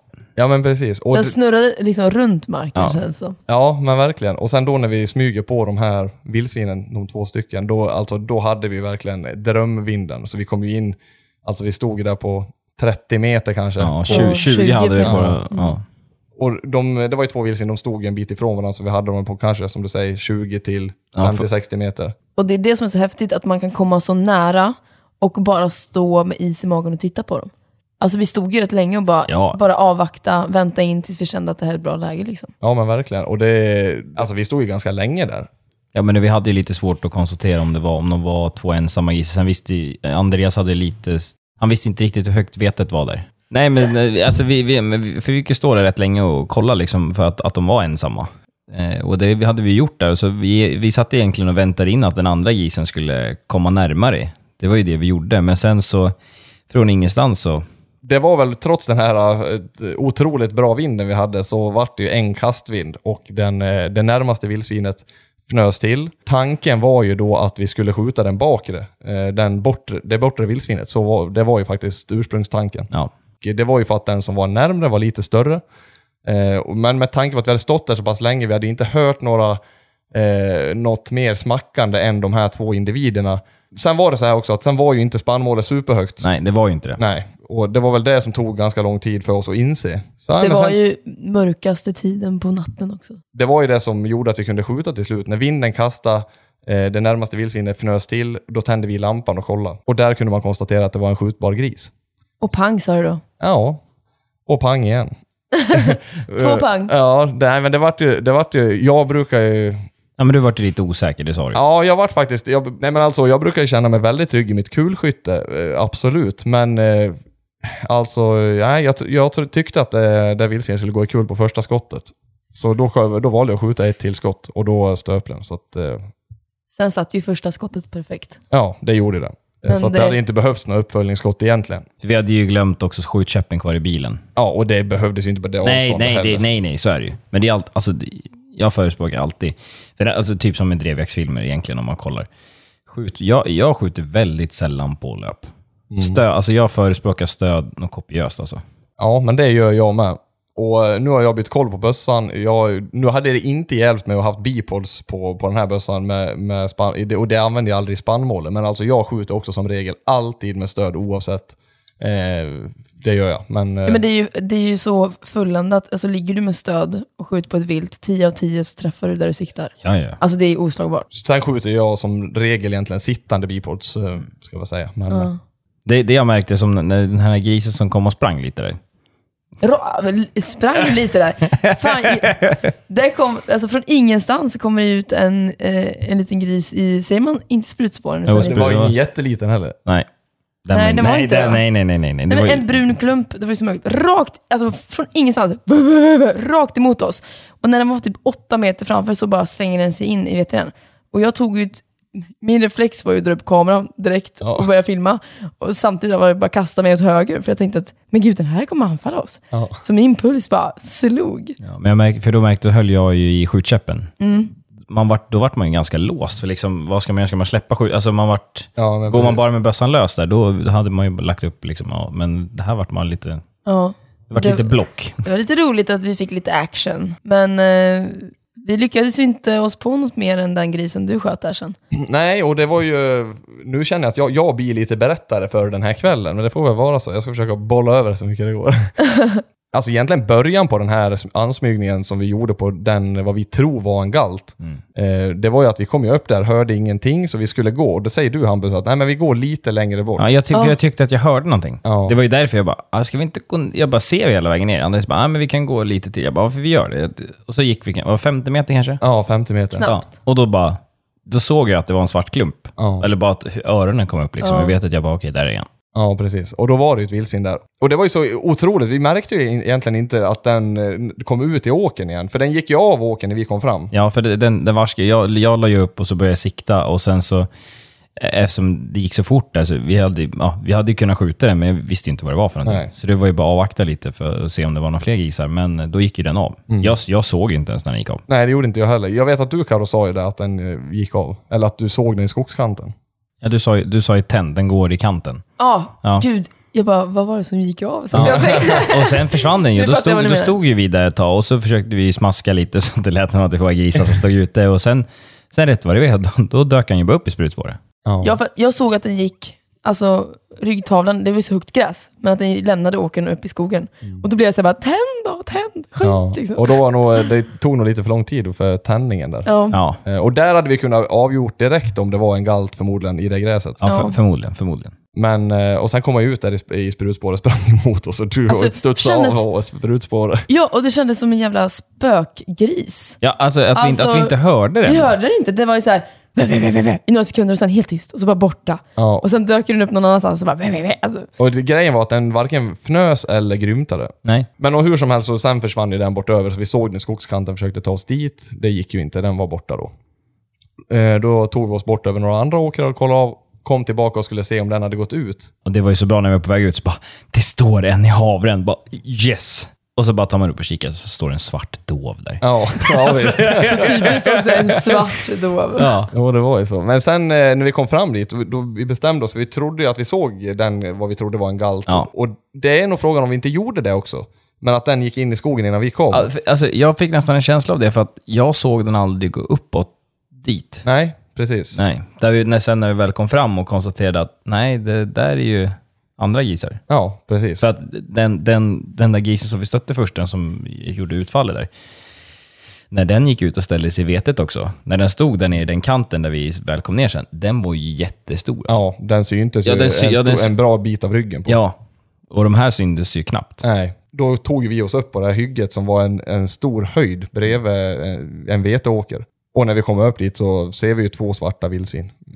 Ett var ju nästan, alltså, den ena var ju eh, liksom åt brunare hållet, men det Ja. var ju två vuxna vildsvin Ja, helt klart. ja, Eh, och när vi hade legat och kollat där ett tag så ser vi ju ganska fort egentligen att den, hade- det var ju kultingar med i spannmålet. Ja, Men det och var sen, inte lite kulting heller. nej, det var en hel drös. Och Ja. sen när så- man, man satt ju ändå och hoppades, för att när de väl gick upp på den här vägen som vi hade nedanför oss, då bara, ja, låg man och tittade och så bara, ja, den hade tuttar. Mm. Och så, Jo, kom, och så kom nästa upp, för det var ju den här, det var ju en som hade lite mer, mindre päls.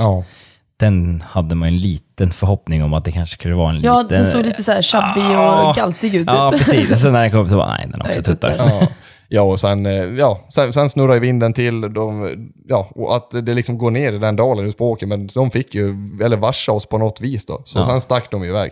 Och, Men vi fick eh, fin film på dem ja, absolut. under den tiden vi låg och tittade på dem. Absolut, och det ska vi säga också att eh, vi försöker här att producera en, en spannmåls, eller en film där vi jagar i spannmålen. Försöka få till lite, lite bra scener och fina vyer. Och då har vi ju faktiskt lite tur nu att det inte spöregnar. Nej, Ja. och jag, jag har en känsla i kroppen att vi, den här natten som vi har framför oss ikväll, det känns sjukt bra. Jag vet inte varför, men jag Ja. tror att vi har väldigt goda, vad säger man? Möjligheten. Möjligheter. Ja, förutsättningar. Men, men alltså, så, ja, men sen när jag sitter och tittar på, man ser att det blåser väldigt mycket. Och det, som jag tycker med spannmålsjakten, A och O i vinden. Så visst, det är bra att det blåser, men man vill ju höra dem. För att det är så mycket lättare, speciellt om då spannmålet är högt. Nu är det det vi ska upp på ikväll, där uppe i Halsta, där har vi först rågvete som du var med där på midsommar. då. Det, det är ju högt. Ja, det Ja. kan jag tro. Men eh, havren, den ser vi grisarna i. Så den, den, den kommer inte att ha några problem. Nej, vi håller ju bara tummarna nu att den har gått i mjöl, alltså att den har blivit Ja, mjölkkolv. ja, men precis. Det är det, det är det det handlar om lite grann. Men sen har vi även eh, Magnusmark då, i Malsta vid Skanete också. Där är ju vete. Ja, och där sa ju du att det var lite dräg. Där har vi sett mycket gris. Ja, det, de har, det, alltså, vi har ju mycket. För två år sedan hade vi extremt mycket gris uppe i Halsta. Då hade ju Mange nästan ingenting, men i år känns det som att de har mer, för vi har ju sett sto, stora grupper där i vår när vi har varit där och jagat. Liksom. Och det var ju någon, vad var det ju Mange sa, det var ju någon gång han var ute, det var ju nästan 50 randiga. Oj jäklar. Ja. Och de lär ju vara någonstans. Ja, de Ja, lär ju stå och lär ha luncha. Ja. Så det är bara att hålla tummarna. Ja. Ja, det ska bli väldigt kul. Ja. Jag är taggad. Men och som de här vildsvinen, jag tänkte på det, vi pratade lite om det här sent, tidigt födda kultingar igår och eh, som de här vildsvinen som vi såg ute i spannmål igår. De är ju ganska sent födda ändå. Ja, de var ju, de var ju randiga, men det var ju som här om veckan så var jag och Carro nere på eh, en mark här hos mig. Då. då var det tre grisar ute. De gick av för att det det var några rådjur som var rädda för oss. Och så sprang grisen av och sen så lyckades vi smyga in, eller kom ut en gris lite senare då, och så stod den och käkade och så då smög vi fram. Så vi smög in på 15 meter. Och stod och Alltså det var så kul. ja, det var så, det var så, det var så roligt. Den vi stod bara där. gick närmare och närmare och vi, till Vi slut hade- var det så här, bara, vi kollar hur nära vi kan komma. Ja, vi, hade, vi hade så bra vind alltså. Ja. Och så stod, så sen stod vi ett tag och tittade på den. Och så konstaterade vi att den är ensam. Sköt vi den och det var 50-60 kilos gylta. Ja. Eh, kom till slakteriet och den hade kultingar i sig. Ja. Ja, och alltså, Det var ju bara Ja, två men- veckor sedan. ja, och då, då, de hade ju säkert en månad kvar innan de skulle föda. Så det där är en sån här gris som man absolut inte vill ha på markerna i höst. Alltså i alla fall inte de kultingarna, för att det blir ju bara knas. Du Ja. tänker ju hundmässigt då. Ja, ja men precis. När man har så otroligt små vildsvin i, eh, i till exempel oktober då. Ja. Det, är, det är inte alls bra för hundjakten. Nej, jag, Det jag, gagnar ju ingen. Och sen dessutom en så pass liten sugga. Vad, vad, vad vägde hon sa du? Mellan 50-60 kilo. Det, alltså, det, är- alltså, hon var ju nästan röd. Det var ju Ja. nästan en rödgris alltså. Ja, det är ju li- lite grän- Ja, gränslandet. det men man har ju varit ja. med också, de här 30-40 Ja. kilos grisarna som har kultingar Ja. i sig. Och jag menar, en sån gris är ju inte bra att den får kultingar. För det är ju många som skjuter den Som en rödgris sen ja. som en ja, rödgris. Ja. Och då kanske den jag menar, har grisar i bo eller vad som helst. Nu ser man ju som regel att de har spena, alltså att de är spendragna. Men på en drevjakt till exempel, alltså det är väldigt lätt att ta en sån, ett sånt vildsvin för ett skjutbart djur. ja, men så är det Alltså nu blir, det, blir det ju väldigt kort diskussion kring det här med spannmålsjakten. Men jag tänker så här, att eh, vi ska ut och jaga ikväll. Vi ska även hinna äta innan det och klockan är sju nu. Jag tänker så att vi har ju lite marker att gå över ikväll. Eh, där det förhoppningsvis är bra med vilt. Det är så sjukt. Ja, Ja. men det är gr- grillen för Hur länge har vi poddat? två timmar. Två timmar. Över Herregud. två timmar.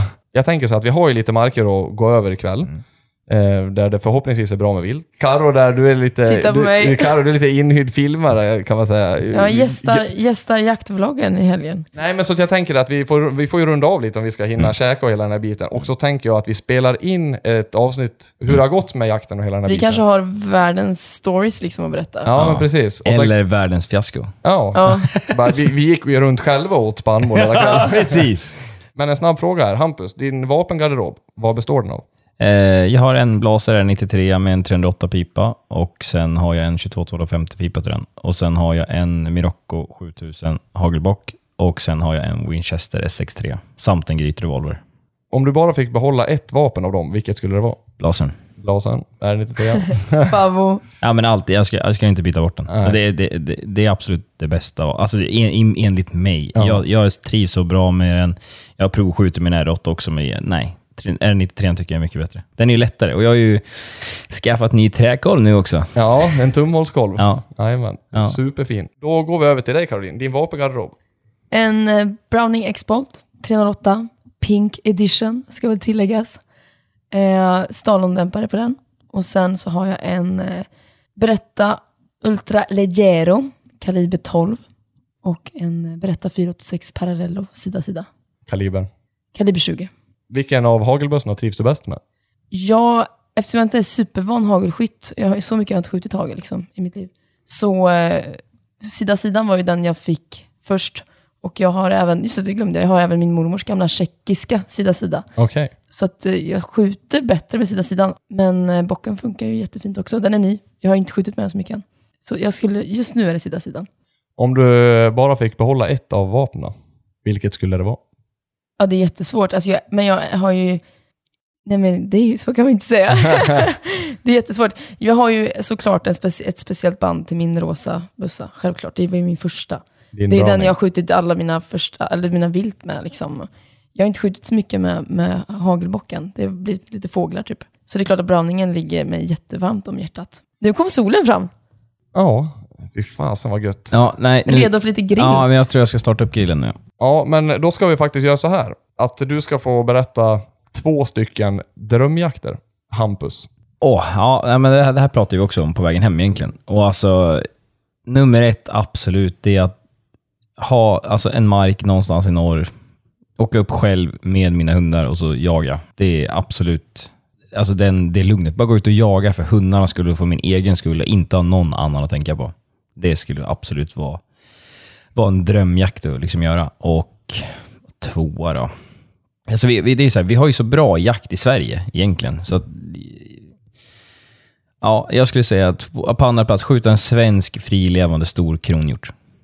Det är liksom, det, det, det tror jag jag skulle säga är topp t- topp två Ja. i Sverige. Alltså, alltså jakter rent allmänt. Jag, alltså, utla- utlandsjakt är absolut det är en grej, men jakten vi har i Sverige, den är ju det är det bästa i världen. Så är det bara. Mm. Karo?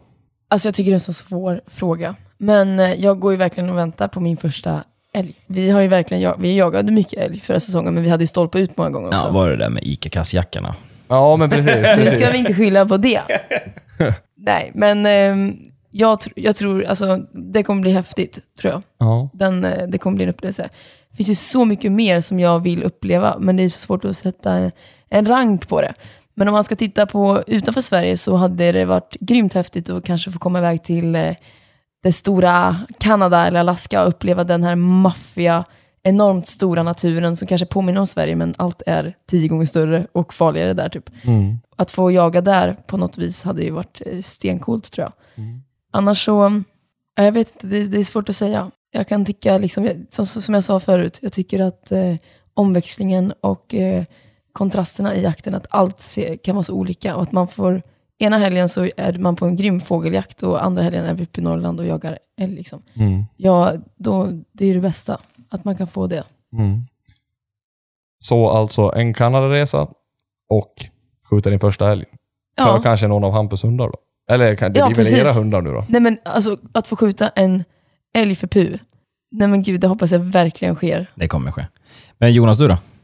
En eh, drömjakt som jag verkligen skulle vilja uppleva, det är kaninjakt med iller. Det, det är någonting som jag verkligen vill göra. Och på nummer två så sitter jag väl och funderar lite grann vad, vad det ska vara, men eh, det är ju någonting som jag hoppas ska inträffa och, och, och det är ju att skjuta en drevräv för min eh, unghund Eskil. Alltså det, det är nog kanske till och med på nummer ett, men det, det ligger nog här- förhoppningsvis inte jättelångt bort, utan jag hoppas att det ska inträffa. Och det är de två drömjakterna som jag har idag. Och så är det med det. Nu ska vi runda av det här. Vi har ju försökt eh, ta någon avrundning, men eh, nu gör vi det. För nu behöver vi grilla så att vi kan åka ut och jaga och så återkommer vi imorgon. Tack för att ni ville medverka i podden. Tack för att du är här och att vi fick vara med. Och eh, tusen tack för att eh, jag har vita rullgardiner. Varsågod. Så gott Jonas!